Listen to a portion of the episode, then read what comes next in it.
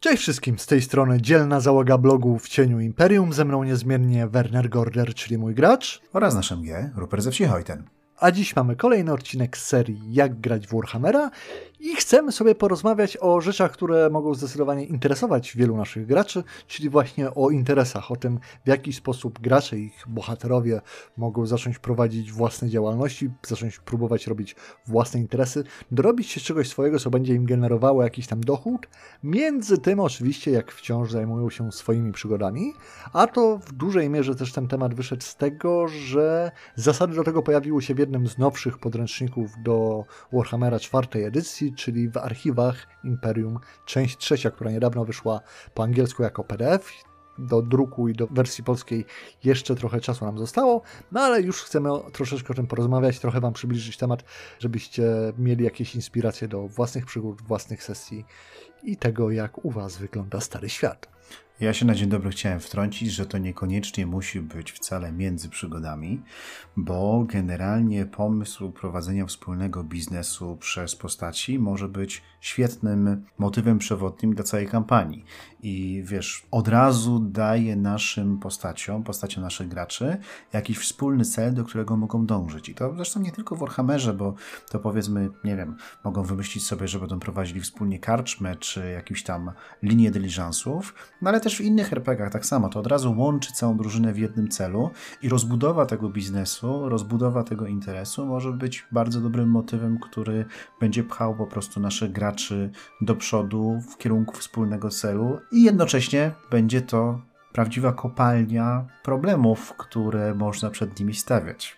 Tak, jak najbardziej jakieś takie wspólne przedsięwzięcie, co by to nie było, czy to tam świątynia, gang rzezimieszków, czy cokolwiek innego, jakby łączy graczy i to jest to, czym chcą się zajmować głównie, a powiedzmy ewentualne poszukiwanie przygód to jest jakiś dodatek tło, czy nawet w ogóle go nie ma, bo te przygody w jakiś sposób będą i tak dalej oscylowały wokół tego ich przedsięwzięcia. To jak najbardziej jest możliwe, no ale to też chciałem wspomnieć e, a propos właśnie czasu między przygodami, bo mechanicznie w dużej sposób, tak, tak jak mamy w czwartej edycji przedstawione, to rozbudowuje ten fragment opcjonalnych zasad, które oczywiście jak najbardziej można i nawet należy, jak się chce, rozszerzać na to, żeby stanowiło to główny wątek naszej kampanii. Dla mnie to też osobiście jest bardzo fajna rzecz, właśnie cała ta kwestia związana z międzyprzygodami tutaj, z tymi interesami, działalnościami również jak najbardziej, z racji tego, że Warhammer stara się tak wiesz, w jakiś sposób odróżniać na tle takich typowych RPGów fantazy, takiego wyświechtanego D&D w takim surowym, można powiedzieć, sposobie jego prowadzenia, gdzie to nie jest tak, że gracze są poszukiwaczami przygód tylko i idą od wioski do wioski, prawda? W wiosce jest quest, robią questa, dostają nagrodę, kupują sprzęt, kolejna wieś, kolejny quest, kolejna nagroda i tak zapętlać jako takie troszeczkę bardziej rozbudowane Diablo czy cokolwiek innego. Tylko Warhammer rzeczywiście tym systemem karier, do którego nas przyzwyczaił przez wszystkie swoje edycje, stara się, aby ci bohaterowie rzeczywiście byli osadzeni w tym świecie, żeby mieli swoje zawody, mieli jakby swoje normalne miejsca gdzieś w społeczeństwie, niezależnie czy to jest na szczytach akademickich, bądź władzy jako szlachcic, czy na samym dole jako prosty chłop, rzezimieszek, czy cokolwiek innego, to jednak mają być żywą częścią tkanki tej społecznej w jakiś tam sposób w większości wypadków, a przygody, to co się dzieje na sesjach, zwłaszcza te bardziej związane z wojaczką, e, z różnymi przejawami chaosu i tego typu rzeczy, na swój sposób są często pomyślane e, jako odskocznia, prawda, że to jest wyjątkowy moment, wyjątkowe wydarzenie, coś, co się zdarza w tym relatywnie spokojnym i nudnym życiu bohaterów. Oczywiście wiadomo, też wszyscy wiemy, że im więcej gramy, no to to nudne życie bohaterów jednak zmienia się w taką długą kampanię wielu ciekawych, interesujących wydarzeń, no ale mamy też dużo narzędzi właśnie, żeby przypominać o tym, że ci bohaterowie mają, nie wiem, swoje domy, rodziny, pracę i inne takie zobowiązania. I teraz właśnie mamy jak, jak to prawda, rozbudować i dzięki temu sprawić, że ten świat właśnie ma jeszcze więcej haczyków, którymi może trzymać tych bohaterów, a jednocześnie ci bohaterowie mają więcej powodów, żeby tym światem się przejmować, tak? A nie, a cóż, no, spalał tę wioskę, to pójdę do kolejnej. Tak, jak to kiedyś ujęliśmy, zdaje się, na blogu, prawdziwe życie toczy się między przygodami, prawda? Tak, no i generalnie jeśli chodzi o czwartą edycję, to pojawiły się teraz właśnie w Archives of the Empire w trzeciej części, pojawiły się zasady, dzięki którym moglibyśmy ewentualnie wpleść w ten czas między przygodami fakt, że postaci graczy mogłyby założyć jakiś biznes. Tak, ewentualnie przejąć bądź z czyjegoś nadania się zajmować czy opiekować czymś w rodzaju, nie wiem, posiadłości czy czegoś takiego. Przy czym właśnie tak, słowo biznes tu jest dość szeroko ujęte, bo to niekoniecznie musi być sklepik, tylko tam jest dość sporo chyba 10, ponad 12, 14, jakoś tak. Różnego rodzaju takich przykładów na to, jak te rzeczy mogą być, przy czym no to nie jest y, lista zamknięta. Tutaj gracze SMG mogą sobie wymyślić więcej, a tam jest tylko jakby taka no zasada, jak to w tym wypadku pisarze czwartej edycji by to widzieli. Tak, zdecydowanie to ma służyć jako taka po prostu podkład, taki ogólny blueprint, jak pewne przedsięwzięcia można próbować zorganizować mechanicznie, no ale z całą pewnością widzimy tam też takie błogosławieństwo, żeby sobie to przycinać pod swoje potrzeby. To, co mi się podoba, to jest fakt, że zostało to przedstawione w sposób inny niż wydaje mi się standardowo dzieje się na sesjach, prawda? Bardzo często na sesjach mamy tak, że właśnie mamy jakąś długą kampanię, już mniejsza z tym, czy oficjalną, czy nie i nasi bohaterowie gdzieś tam zaczynają na dole, no ale zdobywają te swoje punkty doświadczenia, złoto, jakieś uznanie, pną się po tych szczeblach karier, prawda, gdzieś tam wychodzą w społeczeństwie wyżej, zaczynają się już troszeczkę świecić od złota i od magicznych przedmiotów, no i tam na którejś profesji jest, ej, to słuchaj, tak mamy tyle hajsu, to może byśmy sobie ten właśnie wzięli jakąś karczmę albo, nie wiem, zbudowali twierdzę czy coś takiego. I chyba każdy, kto gra długo w Warhammera, czy w ogóle w RPG przez to przechodził, my tak samo mieliśmy takie sytuacje, to było troszeczkę takie ukoronowanie też tych postaci, którym no nie opłaca się tak naprawdę ganiać potem po jakichś małych wioskach za zleceniami na gobliny czy e, pomniejsze kulty chaosu, no bo mają ciekawsze rzeczy do roboty, prawda? E, na tych przykład trzech... latanie na gryfonie. Tak, dokładnie. Tych trzech bandytów to też dla nich żadne wyzwanie. I w zasadzie po co im to wszystko? Oni już to wszystko zrobili. Oni już mają pieniądze. Teraz po prostu chcą mieć więcej pieniędzy i mieć spokój. No a tutaj mamy to przedstawione w sposób, który pozwala tak naprawdę początkującym postaciom, zresztą chyba jest nawet zasada do tego, żeby zaczynać z tym nawet w ramach kreacji postaci, że można zacząć praktycznie od zera. Znaczy, jak się chce, to można to nawet wkręcić od samego początku. Tak, i można zacząć prawda od zera, można zaciągnąć długi u różnych kredytodawców, czy to instytucji, czy bogatych bądź majętnych, ale bardzo często wpływowych i potencjalnie niebezpiecznych ludzi.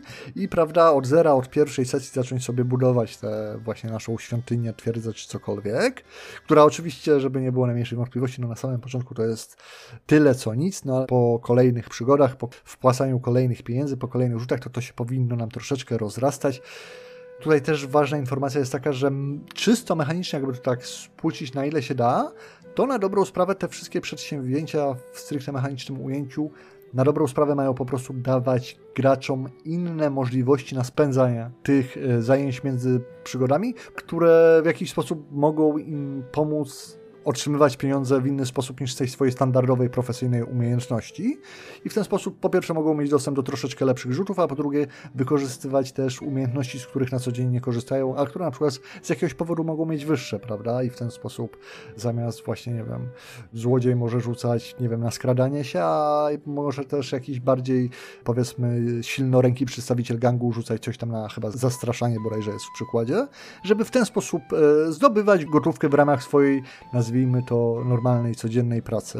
Oczywiście mechanicznie to potem i fabularnie jak najbardziej możemy to rozbudowywać, bo im bardziej to nasze przedsięwzięcie zaczyna rosnąć, tym dostęp do różnej y, maści postaci niezależnych, jak również przedmiotów, nam wzrasta. No i to jest oczywiście od wszelkiego rodzaju pomocników, sprzedawców, członków gangów, czy podległych, nie wiem, ewentualnych kapłanów, czegoś takiego, bo właśnie sprzęt w stylu broń, e, konie bojowe się potrafią pojawić. Chyba na najwyższych poziomach nawet zaczynają się pojawiać jakieś tam rzeczy w postaci małych oddziałów, tego typu rzeczy, do których gracze w jakiś sposób mają dostęp. Nie do końca są to wszystko rzeczy, które są ich całkowitą i bezsprzeczną e, wartością, ale w jakimś charakterze mogą tym dysponować, zarówno właśnie w ramach tego, co się dzieje z samym przedsięwzięciem i w ramach takiej ogólnej narracji tej międzyprzygodowej, jak również możemy to oczywiście przekuwać na sesję, to co się na tych sesjach będzie działo dalej, co ciekawego z tym można kombinować. Tak, myślę, że to jest najciekawszy element tego wszystkiego. Natomiast wracając jeszcze do kwestii własności i dysponowania rzeczami, to tutaj jest tak samo jak w prawdziwym życiu, że jeżeli mamy powiedzmy firmę przeprowadzkową i ta nasza firma przeprowadzkowa ma wana wziętego w leasingu, to ta firma dysponuje tym vanem, ale ten van w leasingu nie jest wcale twoją własnością. A jeśli będziesz wykorzystywać tego vana w leasingu do tego, żeby co chwilę wozić drużynę na przygody, to twoja firma przeprowadzkowa padnie, bo nie będzie zajmowała się przeprowadzkami. I tu jest mniej więcej tak samo. E, tak, dokładnie. To jest, e, mamy to tak subtelnie podkreślone tak naprawdę, bo te zasady są rozpisane troszeczkę na zasadzie miejcie i bierzcie z tego na, na miarę swoich potrzeb i możliwości, ale wydaje mi się, że też właśnie ważne jest to, co MG może z tym wszystkim potem zrobić, bo rzeczywiście gracze mogą uzyskać dostęp do naprawdę wielu ciekawych przedmiotów czy postaci, które w jakiś sposób będą starały się je wspierać przynajmniej w pewnym zakresie, no ale ostatecznie rzecz biorąc zyskują też dużo odpowiedzialności, bo to, te wszystkie rzeczy, które tam można dostać są, wyglądają super i ja, ja wiem, że gracze tylko na to patrzą, to już im się oczka świecą, a bo będę miał to, bo będę miał to, nie będę musiał kupować broni, bo tu mi wpada, tutaj dostanę warsztat i tak dalej, a to przecież wiele nie kosztuje. Problem polega na tym, że to działa w drugą stronę, bo jak tylko właśnie, czy to na rzutach, bo mamy też tabelkę, że różne rzeczy się mogą dziać, taką jak w między przygodami, tylko że tutaj jest dotycząca tych przedsięwzięć, że różne rzeczy się tam mhm. dzieją, rzuca, rzuca, się na tabelce, no i wiadomo, są i dobre rzuty, i, i złe rzuty, i albo się traci, albo się zyskuje, albo jest tak średnio najeżdża. No ale wiesz, prawda jest taka, że właśnie jak gracze nagle mają dostęp do powiedzmy tego, nie wiem, do tej swojej małej, nie wiem, wieży strażniczej, czy czegoś takiego, to wszystko jest super, albo tych kilku ludzi, którzy gdzieś tam pod bronią za nimi pójdą, jak będzie trzeba. Problem polega na tym, że okej, okay, no troszeczkę zaczną sobie używać tego i MG potem mówi, no ale wiecie, tu wam spadły przychody, no bo nie mogliście robić tego, co macie robić, bo się z tym wozili na sesji. Tu wam coś ukradli, bo was wtedy nie było, a zabraliście całą obsługę, żeby udawała wasz, wasz gang, żeby się was przestraszyli i gdzieś to nam zaczyna podupadać. Więc to jest fajny sposób na właśnie jakby pokazanie drugiej strony tej e, monety. No i oczywiście jeszcze pozostaje kwestia tego, że wszystko, co bohaterowie graczy mają normalnie oraz to, co mają tutaj właśnie w ramach przedsięwzięcia jest fajne, tylko, że wszystko, co mają, mogą również stracić. To mogą stracić zarówno z powodu właśnie rzutów na tabelkach tego typu czysto losowych, takich sandboxowych zagrań, jak jak najbardziej z tego, jak prowadzimy przygodę i podczas sesji się zdarzy, że musieli uciekać, zostawili konia. Tylko, że ten koń, który tam przypada nam w ramach tawerny czy czegoś za relatywnie niewielką opłatą, ponieważ jest to koń, który przynależy do tawerny, w jakiś sposób jest tam gdzieś spłacany, no to o tyle potem po sesji, jak się tego konia straciło, to trzeba go oddać, co znaczy, że trzeba jakiegoś kupić, a wtedy to już trzeba płacić za niego normalnie, a jak jeszcze do tego nam się okaże, że jest, nie wiem, nagłe zawirowania rynków i konina drożeje, żywa bądź nie, no to sesje piszą się troszeczkę same. No tak, tak, zwłaszcza, że wiesz, do wszystkich tych rzeczy dostęp jest tylko i wyłącznie wtedy, kiedy gracze mają ten umownie powiedzmy biznes. Jeśli go prowadzą, jak go przestaną prowadzić, przestaną mieć do tego dostęp. Więc tak, można to wykorzystywać jako no, maszynkę do generowania scenariuszy tak naprawdę, bo wystarczy tylko tutaj coś dodać, tu coś zmienić, tutaj coś podkręcić i samo się pisze. Jak najbardziej, tym bardziej, że mi się też podoba to, w jaki sposób może to mieć wpływ na motywację graczy, no bo jeżeli powiedzmy normalnie gracze trafiają do wioski albo są sobie w wiosce i dowiadują się, prawda, taka typowa plotka MG tam puszcza, no jest zaraza i wszystkie konie zaczynają upadać, no to gracze jeszcze na niskich profesjach, gdzie konia tylko widzieli, jaki strażnicy dróg przyjeżdżali, no to mają to gdzieś, no bo co ich to obchodzi. No ewentualnie pójdą, zapytają, ale potem, a, płacą tylko w srebrze, to trochę za mało, w sumie nic nas to nie obchodzi.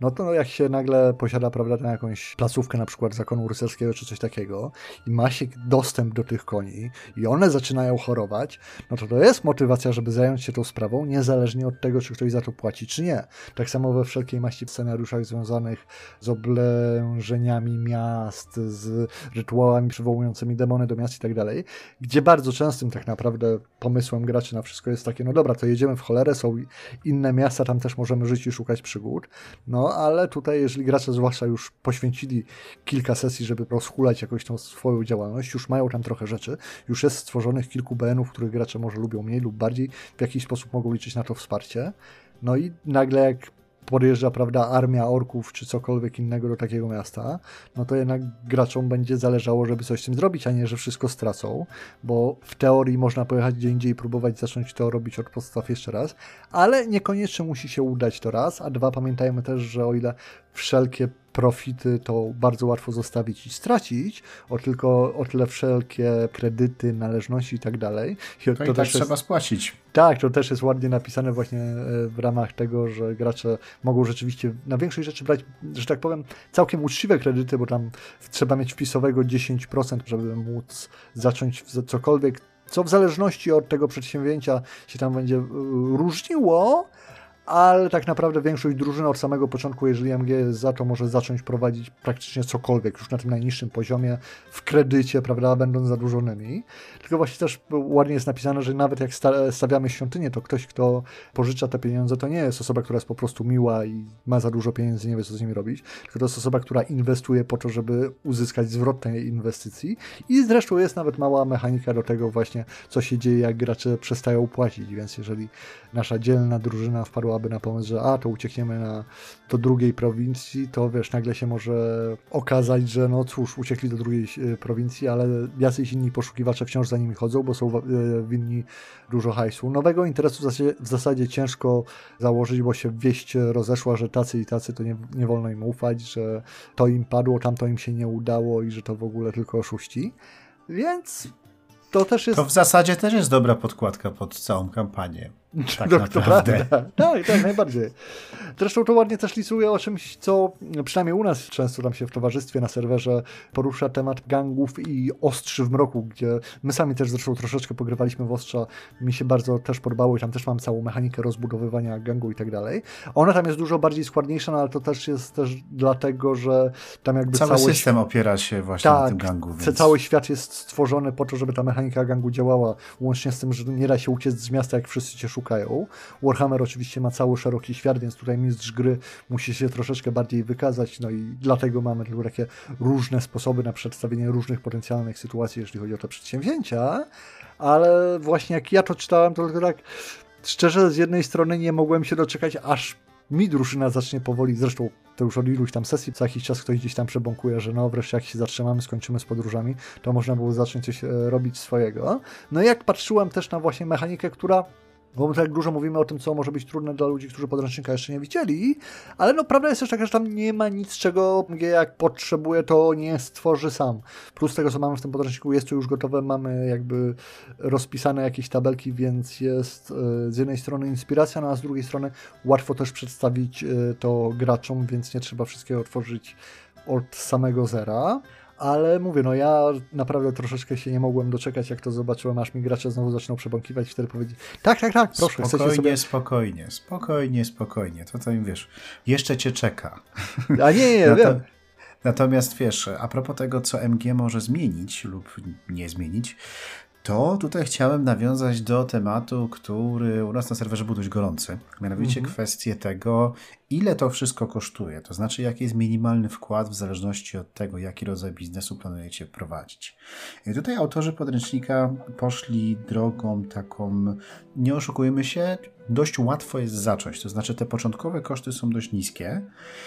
Przy czym to wszystko zależy od tego, co chcecie na sesji osiągnąć. A wiesz, jako MG zawsze można te koszty podwyższyć. Nikt ci tego nie zabroni. Więc jeżeli uważasz, że w danej okolicy nie ma wystarczająco dużo ludzi, którzy byliby chętni pożyczyć pieniądze takiemu obdartusowi jak ty, no to sorry, trzeba wyskoczyć z większej części pieniędzy na początkowy wkład i odpowiednio zwiększyć to, ile będzie kosztowało założenie, dajmy na to, firmy spedycyjnej. Ale tak, no generalnie jest to dostępne dla postaci na standardowym poziomie i ja myślę, że to jest dobra rzecz, że jeżeli chcesz, to możesz spróbować na początek. Potem rozwój tego i jak dużo pieniędzy trzeba włożyć, żeby to się rozwijało, bo tutaj nie wspomnieliśmy o tym, że według tego wzoru rozwoju każdy z tych jakby drzewek biznesu, tych przykładowych, wymyślcie więcej, jeśli potrzeba, ma jakby cztery poziomy, więc za każdy poziom należy zainwestować więcej pieniędzy, no i jeżeli tych pieniędzy się nie ma, no to można też poszukać nowych inwestorów, którzy byliby skłonni za, zainwestować właśnie w dany biznes, co może samo w sobie być tematem na całą sesję, na całą przygodę, żeby odpowiedniego bankiera, dajmy na to z Fugerów z Marienburga, przekonać do waszego genialnego biznesplanu puenta. e, tak, e, jak zawsze tak. nieuchwytna. E, puenta, jest, puenta jest taka, że już po pierwsze, nawet jeżeli uważasz, że to jest za niskie, to to po prostu zmień. A dwa, myślę, że to nigdy nie powinno być za wysokie, żeby nikt nie mógł spróbować. Wiesz, prawda jest taka, że to i tak jest gigantyczne uproszczenie. Jeżeli siedzielibyśmy nad każdym z tych biznesów i prowadzili mu księgi rachunkowe, to to już by nie była zabawa. A moglibyśmy siedzieć i prowadzić przychód, winien ma i tak dalej, 860 na koniec roku, obliczać to wszystko nie byłoby w tym żadnego fanu. A Znaczy, tutaj... żadne, żadnego to też dużo powiedziane. Ja chciałbym przypomnieć, że my kiedyś to robiliśmy w Cyberpunku, kiedy to Werner prowadził i moja postać jako młody fixer właśnie miała rozpisane chyba pięć stron tabelek z Excela a propos tego właśnie, z której dzielnicy jaki przychód czego był. Więc można, no ale to nie będzie też działało dla każdej drużyny. Te zasady tutaj mamy wprowadzone w sposób, żeby były czymś, co możemy po prostu rozwijać tak na boku i żeby to był dodatek do klasycznych przygód. Są na tyle szerokie, że spokojnie możemy je przejąć jako główne tło naszej przygody, czyli właśnie stawiamy tę karczmę, czy ten sklep, warsztat, wieżę czarodzieja, cokolwiek i wokół tego nam jakiś fabuła krąży, ale im bliżej pierwszego planu to przedsięwzięcie jest, no oczywiście tym więcej pracy MG w tym, żeby to dodatkowo w jakiś sposób, prawda, Ubarwić. rozbudować, ubarwić i tego pilnować. Tu jest plus taki, że wiesz, mamy jeden rzut i się nie musimy zastanowić, ile trzeba było zapłacić, jak nie wiem, e, prowadzimy interes drukarski, ile trzeba było zapłacić za papier, Papier, książki.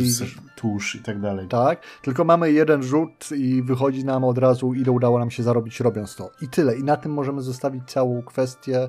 Jesteśmy w stanie rozegrać właśnie prowadzenie takiego interesu w 5-10 minut takiej międzyprzygodowej sesji i możemy to zostawić, a możemy rzeczywiście wbijać się w to głębiej i dalej jakby na potrzeby swoje to rozbudowywać. Ja bym też powiedział, z racji, że to siłą rzeczy bazuje na tym rozdziale między przygodami, bo to jest jakby rozwinięcie tego rozdziału, to też należy pamiętać, że jest to rozdział, który w podręczniku jest opisany jako opcjonalny i o ile ja osobiście jestem wielkim fanem i moim zdaniem to jest jedna z wielu zalet czwartej edycji, która tak, ja też wiem, że ma mnóstwo wad, zwłaszcza jeżeli chodzi o błędy w podręcznikach i to jak bardzo wszystko jest po nich porozrzucane, ale jednak właśnie fakt, że mamy sposoby na to, żeby ten świat reagował i współdziałał z graczami i żeby oni byli częścią jakiegoś właśnie konkretnego miejsca, czy stanu społecznego, czy organizacji, czegoś takiego, mi się osobiście bardzo podoba.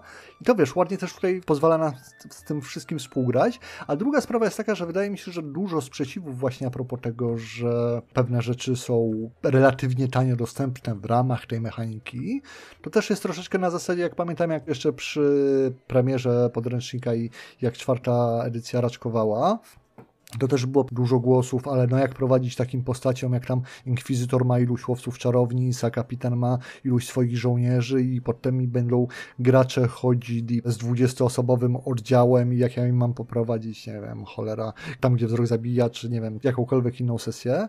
Bo je- jest prawda też taki odruch wielu mistrzów gry, że jak gracze mają za dużo, no to wiele tych sesji po prostu nie działa i oni mogą zrobić co chcą i są zbyt potężni i na niczym im nie zależy. A wydaje mi się, że to jest właśnie też kwestia podejścia, bo tak jak prowadzimy sesję wysokopoziomowym postaciom, które rzeczywiście się dorobiły, mają pieniądze, wpływy jakichś tam swoich podwładnych, to te sesje trzeba im inaczej konstruować, trzeba im inaczej je dobierać. No i tak samo jest tutaj, że jeżeli te postacie rzeczywiście starają się rozchulać taką, a nie inną działalność, to w inny sposób należy im dobierać e, wyzwania i inaczej mierzyć możliwości postaci. No a z drugiej strony, wiesz, też fakt, że właśnie można zacząć z tym od zerami się podoba też na tyle, że wiesz, to nie jest tak, okej, to jeżeli będę teraz przez półtorej roku grał sesję tą postacią, to potem możemy coś zrobić, bo uzbieramy 50 tysięcy złotych koron, tylko wiesz, chcemy zacząć sesję, gdzie zakładamy swoją karczmę czy cokolwiek, to zaczynamy sesję i z tym, prawda, gramy, a tym bardziej jest to ciekawsze, że jeśli postać, która, prawda, jest jeszcze relatywnie świeża, jeszcze nie ma tego, wiesz, builda zrobionego, nie ma, nie jest wyekspiona, no to jej upilnowanie poszczególnych rzeczy, czy to właśnie tego cennego konia, czy jakiejś tam prasy drukarskiej, wiesz, walka o to, żeby to zachować albo żeby to poprawić, jest tym ciekawsza i tym ważniejsza, bo te wszystkie rzeczy w porównaniu do postaci, która no jeszcze tak wiele nie może, mają jeszcze większą wagę. To nie jest też tak, prawda, jak na tym poziomie, gdzie już bohaterowie, którzy się, wiesz, uginają od ciężarów wszystkich runfangów, które ze sobą noszą, to wiesz, no dobra, no zabili mi konia bojowego, to se kupię drugiego. Ale jeżeli masz dostęp do jednego albo nie wiem, trzech jako drużyna i nie stać cię na kolejnego, to jeden taki martwy koń bojowy to jest potem tragedia. A ponoć gramy po to, żeby odpocząć od rzeczywistości, wiesz? No ponoć tak, no ale z drugiej strony wiesz, lubimy sobie e, też dawkować różne wyzwania, no poza tym jednak nawet w świecie niebezpiecznych przygód to ja, jakoś to tak inaczej. Ja, ja jednak wolę spłacać te złote korony w Warhammerze, jak, jak, jakbym miał coś otwierać, jak się bawić z tym wszystkim. Normalnie tym bardziej, że trzeba przyznać, że akurat te tabelki, jakie tutaj mamy, są jak na niebezpieczny i ponury świat e, relatywnie takie pobłażliwe. W sensie gracze muszą się starać e, ten interes zabić, żeby to padło, no ale z drugiej strony, znając wiele drużyn, to rzeczywiście może im się to udać, biorąc pod uwagę, że właśnie takie podejście na zasadzie, a dobra, dobra, to, to wszystko nasze, to bierzemy to, bo nam się przyda podczas sesji, nie? Hej. Tak, a myślę, że tutaj tej dawki też na dzisiaj wystarczy. Zdecydowanie tak wielkie podziękowania dla naszych patronów, którzy wspierając kanał sprawiają, że mamy właśnie dostęp do tych wszystkich najnowszych podręczników i możemy najnowsze, najciekawsze rzeczy związane z Warhammerem omawiać na ułamach naszego podcastu. Przy okazji przypominamy o konkursie dla patronów, który kończy się już za kilka dni. Link do niego w opisie. Dodatkowo wielkie pozdrowienia dla całej naszej prężnej społeczności z Discorda, która służyła nam inspiracją do tego odcinka, bo temat właśnie wywołał e, wielką burzę u nas, do której sami się dołączaliśmy. Fajnie się z Wami pisało. Mamy nadzieję, że ten materiał też będzie jakby dodatkiem do tego wszystkiego, co tam zostało powiedziane, więc również zapraszamy Was, jeżeli jeszcze nie jesteście na naszym Discordzie, abyście do niego dołączyli, bo jest u nas zawsze o czym pisać dzielić się przy okazji memami. A my się z Wami żegnamy i do zobaczenia w przyszły wtorek, który będzie już w następnym roku. No i oczywiście jak zawsze liczymy na Wasze komentarze i opinie pod spodem. Przy okazji dajcie nam znać, jak Wam się podoba taki format, gdzie rozmawiamy no, o relatywnie nowych rzeczach, które jeszcze się nie ukazały w polskiej wersji językowej, które są w miarę świeżymi dodatkami, gdzie w jakiś sposób staramy się zmierzyć z różnymi pomysłami mechanicznymi proponowanymi nam przez Cubicle 7 i trochę Wam to przybliżyć. Czy taka forma i takie odcinki Wam w jakiś sposób pomagają, czy po prostu jest to nasze klasyczne marudzenie dwóch facetów o Warhammerze tydzień po tygodniu. Pam, pam, pam. Ty, to nie byłaby zła nazwa dla podcastu, nie? Dwóch facetów o Warhammerze. Gdybyśmy tylko prowadzili podcast, nie?